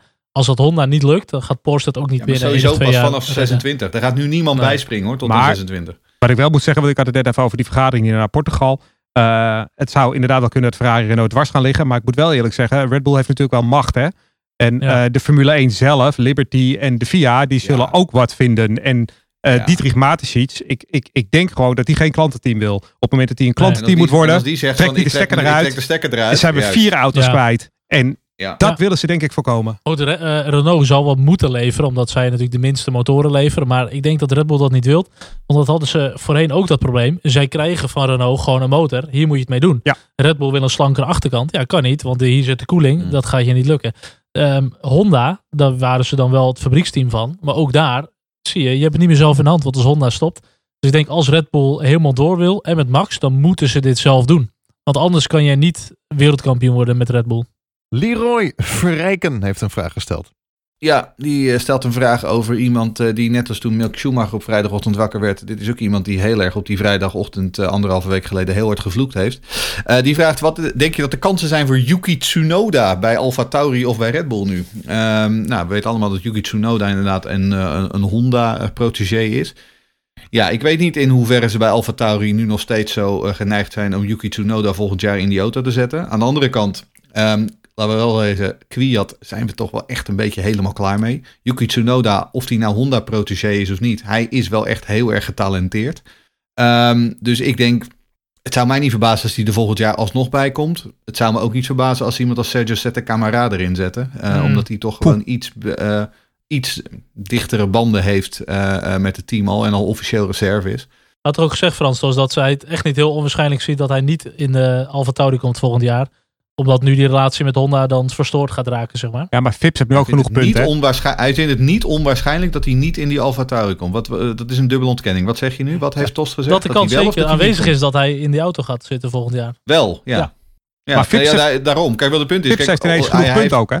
Ja, kijk, en, en Tsunoda, nogmaals, eh, het is wel gewoon een hele getalenteerde jongen. Dus ik bedoel, eh, eh, kijk, dat hij dan toevallig Japans is en toevallig gesteund wordt door Honda. Dat hoeft natuurlijk geen reden te zijn dat als Honda vertrekt, dat hij dan opeens ook er, er niks meer van kan. Aan de andere kant, eh, als Red Bull niks met hem doet, dan zou ik tegen hem zeggen van, eh, ga eens naar Amerika kijken, waar Takuma Sato eh, toch wel bijna onderweg is naar, de, naar de uitgang. Ja. Ik zou Yuki best in de IndyCar willen zien. Nou, jij zegt aan het begin van de show nog van eh, dat Red Bull voornamelijk op zoek is naar de nieuwe Max Verstappen en de nieuwe Sebastian Vettel. En dat zie ik niet in eh, Tsunoda, moet ik eerlijk zeggen. Nee, ik ook Dat niet. zie ik nee, echt niet in hem. Ik ook niet. Nou, ik wel. Ja, maar jij bent voor Latifi. ja, precies. Goed jongens, ik eh, kan me nog iets heel moois herinneren. Namelijk de Grand Prix van Portugal. 1996. Ik eh, was en ben nog Estoril. fan van eh, Jacques Villeneuve. En Ja. er was Ja. ene Michael Schumacher die de laatste bocht eh Buitenom. voor start finish. En je hoort Olaf Mol zeggen, "Wow, wow, wow, hij zit er al. En je ziet zo links op tv dat vleugeltje van Jacques Villeneuve. Die buitenom daar Schumacher inhaalde. We hebben ook nog de crash gehad met Patrese. Die bovenop Berger klapte omdat Berger de pits in ging. We, Patrese Ja. die bijna de brug ramde over, de, over het circuit heen. We hebben ook nog een in uitremactie gehad van Schumacher op Hill. In die een of andere vage eh, S-bocht Ja. die ze hadden aangelegd. Waarbij Schumacher rondes daarvoor al rubber aan het neerleggen was. Oftewel, Portugal, we kunnen er iets moois verwachten. Het is En een ander en circuit. Coulthard die elkaar in diezelfde chicane van de baan afreden. Toen ze nog Ja. allebei in de McLaren Marlboro reden. Jongens, dit is een heel ander circuit, hè? Ja, dat maakt niet Ja, uit. maakt niet het is wel, het is wel Oh, oké. We Portugal. hebben het over Portugal. Nee, we Estoril. hebben, we hebben 25 Estoril was, namelijk, Estoril was natuurlijk ook de baan waar Ja. Jean-Denis Delatras zich kwalificeerde voor een Formule 1 Grand Prix op 12 seconden achterstand van Polsitter David Coulthard. Kijk. 12 seconden, jongens. Hey, we hebben 25 keer de Grand Prix van Portugal gehad. Waaronder dus op Estoril. Nou, 1, wat is het? eh, anderhalf jaar geleden zo ben ik daar ook een keer geweest bij Cascais in de buurt. Ik denk, nou, dan moet ik dit circuit wel even bezoeken gewoon. Want ik vind het een legendarisch circuit. Een hoop historische winnaars. Met, met Prost, Senna, Mansell, Schumacher, de, Damon Hill. Nou, Villeneuve zeiden jullie al. Eh, maar goed, dit keer voor het eerste Formule 1 op het Algarve International Circuit. Of oftewel Portimao. Ehm, niet een super bekend circuit, wel een vrij modern circuit. Bekend ook nog wel zelfs van de A1GP, eh, Le Mans Series, wat GT-klasses. Eh volgens mij de MotoGP Nee. gaat dit seizoen Dit rijden. seizoen voor het eerst ook, ja. moet je In november. Nee zeggen. Ja, nee, maar het is geen MotoGP-circuit Nee. tot november. Ik denk dat het ook wel een goed MotoGP-circuit gaat zijn. Maar goed, wat kunnen we verwachten? Ik heb hem ook al op de sim even gereden met eh, vriend eh, Rob Campus. Het, Oh. is, het is best wel een snelle baan. eh, best wel wat korte, scherpe bochten. Maar ook heel veel snelle doordraaiers. Hoogteverschil, ook in de bochten. Waar Ehm, zou je het mee vergelijken? Nou, ze vergelijkt het een beetje met Kota, een beetje. Maar ik vind zelfs de hoogteverschillen Ja. hier nog, nog veel meer. Spa. Ehm, nou, ook niet echt. Ook niet echt. Ik vind Kota op zich nog wel een beetje in de buurt komen. Ehm, maar het is gewoon een uitdagende, best wel klassieke eh, baan qua gevoel. Eh, en helemaal voor de hedendaagse Formule 1 denk ik dat het echt wel gaaf gaat worden. Inhaalmogelijkheden vind, denk ik niet super. Weinig. Want ook de, als je het rechte stuk op gaat, Ja. dat is een hele lange rechte doordraaien naar beneden. Maar dan die eerste knik in de eerste bocht, dat is eigenlijk een soort van Snel. snelle knik. Ja, Eh, dat is best wel lastig, denk ik. Waarom dit circuit niet Estoril? Estoril, dat is, dat is voor mij is nog crappier dan dat Zandvoort was voor de verbouwing. zeg maar. Estoril is wel een zandbak hoor. Ja, dat is, als je dat een beetje vergelijkt ook met Zolder en zo, ja, dat is, die, dat is gewoon vergaande glorie. Je kan er prima racen, maar echt voor de Formule 1 op dit moment? Oké. Nee. nou, nee. ik, ik, Helder. ik denk, het grote voordeel van Portimao is gewoon, het is geen Tielkedoom. En dat zie je ook. Dat. hij heeft niet die grote Die uitloopstrook van bijvoorbeeld Kota. Dat heeft hij helemaal niet. Hij heeft eh, wel wat asfalt liggen, maar daarachter zit allemaal gravel weer. En dat vind ik Ja. wel een heel groot voordeel. Ja, Het is wel ook, echt een soort van oldschool circuit. ik denk ook dat echt wel genoeg rijders afgestraft gaan worden. Dus daar zal het spektakel wellicht in gaan zitten. Dat toch mensen van de baan afgaan, spinnetjes, eh, safety car, dat soort dingen. Want er zitten best wel wat tricky, tricky bochtjes in. Eh, waar je best wel wat downforce kan kwijtraken. Aan de voorkant eh, niet helemaal. Dus ja, ik denk dat, dat ja, qua Ja. inhalen op de baan niet, maar spektakel kan. Ja, er zit wat weinig rechte stukken in. Eén groot rechtstuk. En aan het einde daarvan zit een vierde versnellingbocht. Denk ik, die is een beetje snel om in te halen. Denk ik. Dus dat Ja. wordt inderdaad wel weer lastig. Je hebt er vers- verstand van, hoor ik zo. La- laten we meteen dan de voorspelling doen. Jij, jij, eh, jij begint. Ja, de nieuwe reglementen. De, de leider in het kampioenschap moet beginnen. Ehm, ja, la- ik denk toch dat Hamilton hem gewoon gaat winnen. Eh, gewoon solide. Verstappen, dan zet ik dit keer ook alweer op P2. Eh, Bottas mag dit keer P3. Ja, het moet echt nog steeds een keer gebeuren. Gasly, dan ga ik gewoon een P10 zetten. Ehm, eh, Latifi gaat winnen. Ehm Ocon wordt tweede. En Giovinazzi wordt derde. En Hamilton eindigt als tiende. Ik denk dat Demmerdal klaar is met de voorspellingen. Hij heeft er geen zin meer in. Zou je denken? Nee, eh, ik denk, eh, eh, ik, ik ga wel proberen om mezelf van de eerste plaats te halen. Dus ik denk dat Max Verstappen eerste wordt. En dat hoop ik in ieder geval ook. Ik denk dat Bottas tweede wordt, Hamilton derde wordt. En Ocon pakt een tiende plaats. Ik denk dat het gaat regenen, dus wint Max Verstappen. In, al, in de Algarve gaat het Ja. regenen? Ja, ja, Oké. ja, ja, ja. Super gaaf. Tof, dat is al een voorspelling op zich hoor. Hè? Dit wordt een wedstrijd, jongens. Ik Ja. zie het nu al. Regen in de eh, Algarve voor de eerste keer sinds Ja. Lucas, eh, 1957. Paulusma gewoon hier. Lucas Paulus. Oetmon, dat was hem. En eh, eh, tweede wordt Norris. Derde wordt eh, Bottas. En tiende wordt Kwiat. Ik, ik moet ik ook wel zeggen, dit is natuurlijk niet het meest spannende seizoen om een voorspelling te gaan doen. Want ja, hoe kan je nou niet Ja. Hamilton of Bottas eh, ja. bovenin gaan zetten? aan bij, ik sluit me aan bij Jeroen Ja, nou, goed. De, de, de Verstappen heeft ook een keer... Gasly Ja. heeft een keer gewonnen. Nee, tuurlijk. Maar als je gewoon eh, gaat Ja, kijken maar, als ik hetzelfde ga zeggen als alleen jij, maar dan ga ik Mercedes niet winnen. Ja, nee, maar dat, ja. Ja, dus je moet het anders zeggen. ja, dat is wel waar. Ik kan ook Latifi zeggen, Zo heb ik jou ook ooit. Jij stond ook echt heel ver los, hè? Ik heb toch uiteindelijk... eh, Ik ga, ik ga denk ik Ja. ook gewoon eh 100 euro inzetten op Latifi. als die dan wint, Ja. als die dan wint, Ja. dan hoef ik nooit meer te werken. Nee. goeie. Als corona zich koest houdt, gaan we iets leuks meemaken. Namelijk eh, dat we Jeroen Demmenau voor het eerst in levende lijf ontmoeten. Want niemand weet dat. Weinig Oh. mensen weten dat. We hebben elkaar nog nooit eh, ontmoet. Dus eh, dat, daar kijken we erg naar uit. De verwachtingen Ja, liggen wel hoog nu, hoor. Anders ik wel. Ja, Ik ook. Dus eh, even, wachten, even wachten met al die noodmaatregelen. Ik alleen dat het mag niet vanaf, eh, vanaf begin november vind ik dat helemaal prima. Maar maar dat zou wel lachen zijn. Dan gaan we op Schiphol staan. daarvoor nog even. En dan Je mag met, niet een aan zijn baard voelen, hè, Lucas? Dat Met mag niet. spandoeken zo, hè? Ja, met spandoeken. Schiphol met de spandoek. oh, dat Ja. Ja, dat wordt echt leuk. Met al onze Ja, luisteraars. moeten jullie vooral doen. Met al onze luisteraars. Ik ga jullie ook zo een verkeerde vlucht, een verkeerd vluchtnummer doorgeven. Vier uur s'nachts. Staan midden in de nacht daar met ons spandoek. ja, Ja, exact. Komt hij Ja. aan in Eindhoven. ja, ik Ja. kom aan vanuit Abu Dhabi Ja. op virusnacht. Oké, nou, we gaan, eh, we gaan duimen en eh, we hopen je te zijn. ontvangen hier in eh, Nederland. Leuk. We hebben nog wat luisteraarsvragen binnengekregen. Wouter Boot. Tijdens de race kregen sommige coureurs, Albon en Norris, te horen dat ze de motorsetting moesten aanpassen. Maar wat kunnen slash mogen ze met de regels nog precies dan? Nou, het is vrij simpel. De basis is gewoon de setting die zij kiezen in de kwalificatie. Dat is ook de setting die ze moeten aanhouden voor de race. Ehm, ze mogen de motor terugzetten in vermogen of qua settings. Maar alleen bij problemen aan de motor. Dit moeten ze dan ook wel kunnen aantonen en kunnen melden bij de FIA. Ehm, maar hij mag sowieso nooit meer in een hogere stand dan wat ze in de kwalificatie hebben gedaan. Dus eigenlijk wat ze in de quali hebben, daar moet je het gewoon mee doen. Nou moet ik wel zeggen, voor de, de in-lab, de out-lab, safety car labs, dat soort dingen, kunnen ze nog wel switchen naar andere modussen. Qua harvesting van de energie, dat soort dingen. En de overtake button hebben ze nog gewoon. Maar die heeft dus meer invloed op de, de deployment van de elektrische systemen. Dat ze wat extra power hebben. Maar niet op de verbrandingsmotor, zeg maar.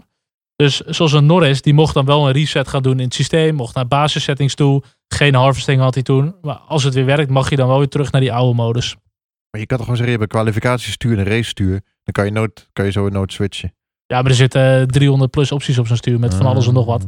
Dat moeten ze allemaal wel kunnen doen. Maar ze mogen gewoon niet meer naar die party mode toe. Dat ze maximaal deployment hebben. eh, dat alles eh, geoptimaliseerd is. Dat is gewoon af. Dus je moet gewoon de hele race kunnen rijden met de Dus modus. we moeten gewoon een regel verzinnen waar gewoon in staat. Je krijgt een stuur en daar zitten twee flapjes achter om te schakelen. En er zitten vier Precies. knoppen op en daar doe je er maar Ja. mee. Vind ik op zich Kijk. helemaal niet zo slecht hoor. Als je ziet hoeveel acties een coureur moet doen Ongekend. tijdens een race. Aan eh brake settings, dit, dat. eh, nou, dat is niet normaal. Ja, het is echt eh, een gamestuurtje gewoon. Onzin vind ik het. Maar goed. Ja. René Oudman, Ja, vaste die- luisteraar, heeft een mooie vraag. Missen jullie iemand op de hedendaagse Formule 1 grid? Hij doelt denk ik op Nico Rosberg. Want daar had hij een, eh, Ja. foto eh, bij geplaatst. Ik mis Hmm. Nigel Mansell en, en Jacques Villeneuve. Nou, die mis ik zeker. hebben, Nou, Jacques Villeneuve niet. Maar ik mis eh, Nigel Mansell zeker. En Senna mis ik. Maar in de, inderdaad, zoals ik eerder zei. Rosberg mis ik inderdaad. Vind ik ook echt een gemis voor de Formule 1. Maar eigenlijk voor de rest moet ik heel eerlijk zeggen. Dat we gewoon een hele sterke generatie coureurs hebben. Ik mis niet zo heel veel mensen. Ik wil wel wat verfrissing nu zien. Ik ben Ja. wel een beetje klaar met de Grosjeans en de Magnussens en de Rijkonens. En dat mag allemaal Pulp. wel, mag allemaal wel wat nieuws, ja. wat vers bij. Jij, Charles? Nou, misschien als je toch wel een beetje naar de Formule 2 gaat kijken. Wat, wat, wat Scholt al zegt, en Grosjean en Rijkonen. Ja, dan wil je op een gegeven moment toch liever een Zwartsman hebben. Of een Schumacher dan weer. Ehm, puur buiten de Formule 1. Ja, natuurlijk, daar rijden wel wat jongens die gewoon echt goed zijn. Maar ja, op dit, dit moment denk ik dat je toch meer naar de Formule 2 moet gaan kijken. Bij, eh, in de IndyCars rijdt nog goede Nederlander trouwens. Ja, Hey. maar dat is ook weer een andere tak van sport. Hè? Ik, eh, ik denk dat hij met, met genoeg training en zo echt wel mee kan doen op niveau. Maar Makkelijk. het is, het is anders. Het is heel anders. Jeroen Demmenau, wie mis jij? Ik mis Giancarlo Fisichella altijd. De huidige gewoon. één. Maar, nou, en ik, en ik wie, weet je wie ik ook mis? Eh, en dat is gewoon dat ik het nog steeds gewoon een drama voor die jongen vind. Stoffel van Doornen. Eh, Ja. Als je kijkt hoe ongelooflijk goed Stoffel was voor de Formule 1. En die vervolgens in, zeg maar, zo'n nachtmerrie scenario terecht kwam bij McLaren. Eh, en dat heeft gewoon zijn carrière ehm, om zeep geholpen. En ja, die mis ik wel. Maar die post ook van Stoffel, die is dan volgens mij de, de officiële reservecoureur. Eh, die, die daar Ja, bij was. Mercedes toch? Ja, maar die, volgens mij op papier mag die dan ook invallen bij Ja, Racing klopt, Point ja. en zo. Want hij is daar dan, dus kan uitgeleend worden. Maar die, die deed ook echt zo'n post volgens mij op Twitter of zo. Van nou, dan ga ik wel weer verder met de Xbox en Ja. zo. Call of Een Duty. game of zo, toch? Ja. Echt zo van, joh, Ja, ik maar goed, zo hier, gek is het. die het ziet bij. Ja, maar zo gek is het natuurlijk niet. Hè? Als je ziet hoe Hulkenberg deed in Silverstone, dan snap ik Stroll Grand Prix ook Nee. wel. Dat ze Ja. gewoon eh, Nico weer een belletje geven. En wat ik nog wel eeuwig zonde vind, is gewoon Robin Freins. Want dat vind ik ook een jongen die was zo puur qua snelheid. Die heeft het zo goed gedaan in al die opstapklasses. Eh GP2 misschien niet de beste keuze gemaakt, maar Ja. ook daar ging hij goed. Nou, bij Red Bull heb je misschien wat glazen ingegooid. Maar als je ziet hoe goed hij het deed, weet je, in de Formule Ja, 1, in de DTM, zijn- overal waar hij rijdt, wint hij. Tientallen Hey, talenten zijn eh, verloren gegaan. Tuurlijk. Ja. Anthony Ja. Waarschijnlijk een van de meest getalenteerde coureurs die nooit de Formule 1... eh, of, nou, hij heeft wel natuurlijk al een handvol Grand Prix gereden, maar... Scott Die heeft Dixon nooit een echte carrière gekregen. Scott Dixon. Ja, Ja, absoluut. absoluut. Hebben we er nog wel een. en die eh, Eh, eh, Dan, René eh, Oudman. Dan Weldon vond ik altijd een goeie. Ja, René Oudman zal het met me eens zijn als ik André Lotter Nee, die niet. noem. René Oudman niet. Eh, die, een, die, één Grand, die één Grand Prix heeft gereden voor Caterham. En toen zei van, nou, ik geloof het verder wel. Maar als je ziet wat die allemaal gewonnen eh, heeft. Weet je, er zijn er altijd van dat, soort jongens, die ja. het gewoon nooit... Wat zei je? Da Costa, dat is voor me ook altijd nog wel... eh, Ja, de Costa, ja, is ook een goed voorbeeld, absoluut. Ja. Nou, zo zei er tot wel Ik, een me- paar. ik me- meen het wel even serieus. Ik, ik mis, ik zeg een Nigel Mansell, Villeneuve, een Montoya. Maar wat ik mis is... en op de hedendaagse grid, Nee, maar weet ik, weet ik. Maar Oké. wat ik mis is een soort Jean Alesi. Een nieuwe Jean Alesi. Die, als, die de, als je die de baan op komt, je weet, je gaat nooit kampioen worden, maar die laat wel vuurwerk zien. Dat, dat mis ik. Ik mis Ja, maar ja, ik vind dat je nu ook nog wel coureurs hebt die vuurwerk laten zien hoor. Ja, Ja, dat vind ik wel. Ik vind de, de ja. Ricciardo's en de Leclerc's van deze wereld. wel slechtere die jaren gehad ook hoor, met eh, Eriksen en Palmer. En er hebben echt Ja. wel wat, wat Ja, maar ik vind wel Ja, ik echt zeggen, eh, allemaal van dat, allemaal van dat. dat Nee, maar ook maar er komt wel weer wat meer aan. Hè? Want je hebt natuurlijk nu de Latifi's, je Norris, hebt de. Mazepin Ja, komt eraan. Ik bedoel. Nou, je zich- krijgt wel een aantal van dat soort jochies weer terug. Een Maldonado, dat mis ik op zich wel. Die gewoon altijd gewoon... eh Ja, maar zo, zo gaan we. Romain Grosjean over vijf jaar ook. Gaan we terugkijken en denken, was Ja. toch wel leuk hè, met die Grosjean ja, erbij. altijd lachen. Ja, met zijn gebroken vingertje. dat gemiep over die radio. Ja. Ja. leuk joh. Laatste vraag ben ik gekregen van Ruben. Nou, laatste vraag dan. Van Ruben. Die vraagt... ehm, de Eiffel Grand Prix werd zondag ook met commentaar gestreamd op YouTube. Ehm, welke mogelijkheden liggen er volgens jullie in het verschiet voor live Formule 1 uitzendingen op YouTube en streamingplatformen? Ehm, ja, dat vond ik inderdaad een heel interessant eh, ehm, initiatief. Ehm, wa- waar het wat mij betreft mee te maken heeft, is het feit... eh, de Formule 1 is natuurlijk eigendom van Liberty. En wat is Liberty in principe? Liberty is een kabelmaatschappij. Nou, en wat doen wij allemaal met z'n allen als consumenten in de westerse wereld? Wij eh, kopen steeds minder kabelpakketten. En wij gaan steeds meer naar de streamingdiensten toe. Hè, dus niet meer dit zo'n vast tv-pakket wat je van je kabelmaatschappij krijgt. Nee, je hebt een, een maandelijkse eh, subscription op een streaming service. Ehm, natuurlijk is F1 TV is natuurlijk al een, een, een initiatief wat op die manier in probeert te springen. Maar YouTube heeft ook een betaalde service, YouTube Premium. En ik denk dat Liberty gewoon een beetje aan het experimenteren is met verschillende modellen waar ze hun content Ja. uit kunnen, eh, kunnen zenden. Ehm, en YouTube is wat dat betreft natuurlijk gewoon, hè, het is globaal, het is eh, eh, voor iedereen toegankelijk. Dus dat is denk ik voor hun heel, een, heel een heel interessant platform. Ja, dat is het. Het is vooral die nieuwe doelgroep zien te bereiken. Maar goed, dat doen ze ook niet voor niks. Want steeds meer zit achter de paywall. Dus zo'n YouTube Premium of, of Twitch. Ehm, Ik denk dat dat niet een verkeerde keuze is voor de toekomst. Maar wat ik zelf met F1 TV zo top vind, is je kan zelf je commentaar kiezen. Als je Olaf niet wil horen, ga je naar Engelstalig. Ehm, je kan ook de onboardbeelden zien. Die kun je ook ten opzichte van elkaar zetten. En dat heb je op een tv Hmm. niet. Jij, je, ze laten jou zien wat jij niet eens wil zien misschien. En die F1 TV Pro, het wordt gewoon interactiever. En wat Scholt al zegt, ook met een chat en dat soort dingen. Maar we- weet je, YouTube. Het, het is Oh. ook, YouTube is ook laagdrempelig. Je kan ook bepaalde films nu eh, renten op YouTube. En ik denk dat als je... Ja. eh, kijk, F1 TV moet weer een login en dan moeilijk, moeilijk. Terwijl Ja. op YouTube heb je al een login en die drempel is lager. Ja, maar dat is natuurlijk. Kijk, in YouTube, Google probeert natuurlijk ook gewoon YouTube steeds meer te monetizen. Ja. Ehm, en, daar, en daar past dit ook gewoon in. Dus wat ik zeg, Liberty die raken steeds meer hun traditionele klanten kwijt. Hun traditionele product loopt achteruit. En dus zijn ze aan het kijken naar nieuwe manieren om, Ja. hun, eh, om hun producten eh, aan de man te brengen. Dus ja, ik, ik, ik, ehm, ik vond dit een, eh, een interessant initiatief. Ja. En ik denk dat we het eh, vaker gaan zien in de toekomst. Race Reporter, de Formule 1 podcast. Race Reporter, de Formule 1 podcast, wordt mede mogelijk gemaakt door gptoday.net en een aantal vaste donateurs. De leden Formule1podcast.nl Joost Landzaat, dankjewel. Rowdy Robouw, Remco Zoon, Eddie, Chris Niels, Karen, Rick Debets, Frank Theeuwen, Maarten Evertsen en Mark Niesthoven. Super bedankt voor jullie donatie. Iedere maand weer. Eenmalige donatie binnengekregen van Joris Groeneveld, Martijn Gijsbergs, Bob van Valkenhoef, René, Erwin Ervan Collector, Patrick, Tim Laarman en Arjen Arendsen. En onlangs nog een paar aantal superdonaties binnengekregen. Heel erg bedankt daarvoor. Daan Legrand, Harry de Groot en Annelies Bier. Wil je ons ook supporten? Dat kan. Ga naar f1podcast.nl slash support. Dat is f1podcast.nl slash support.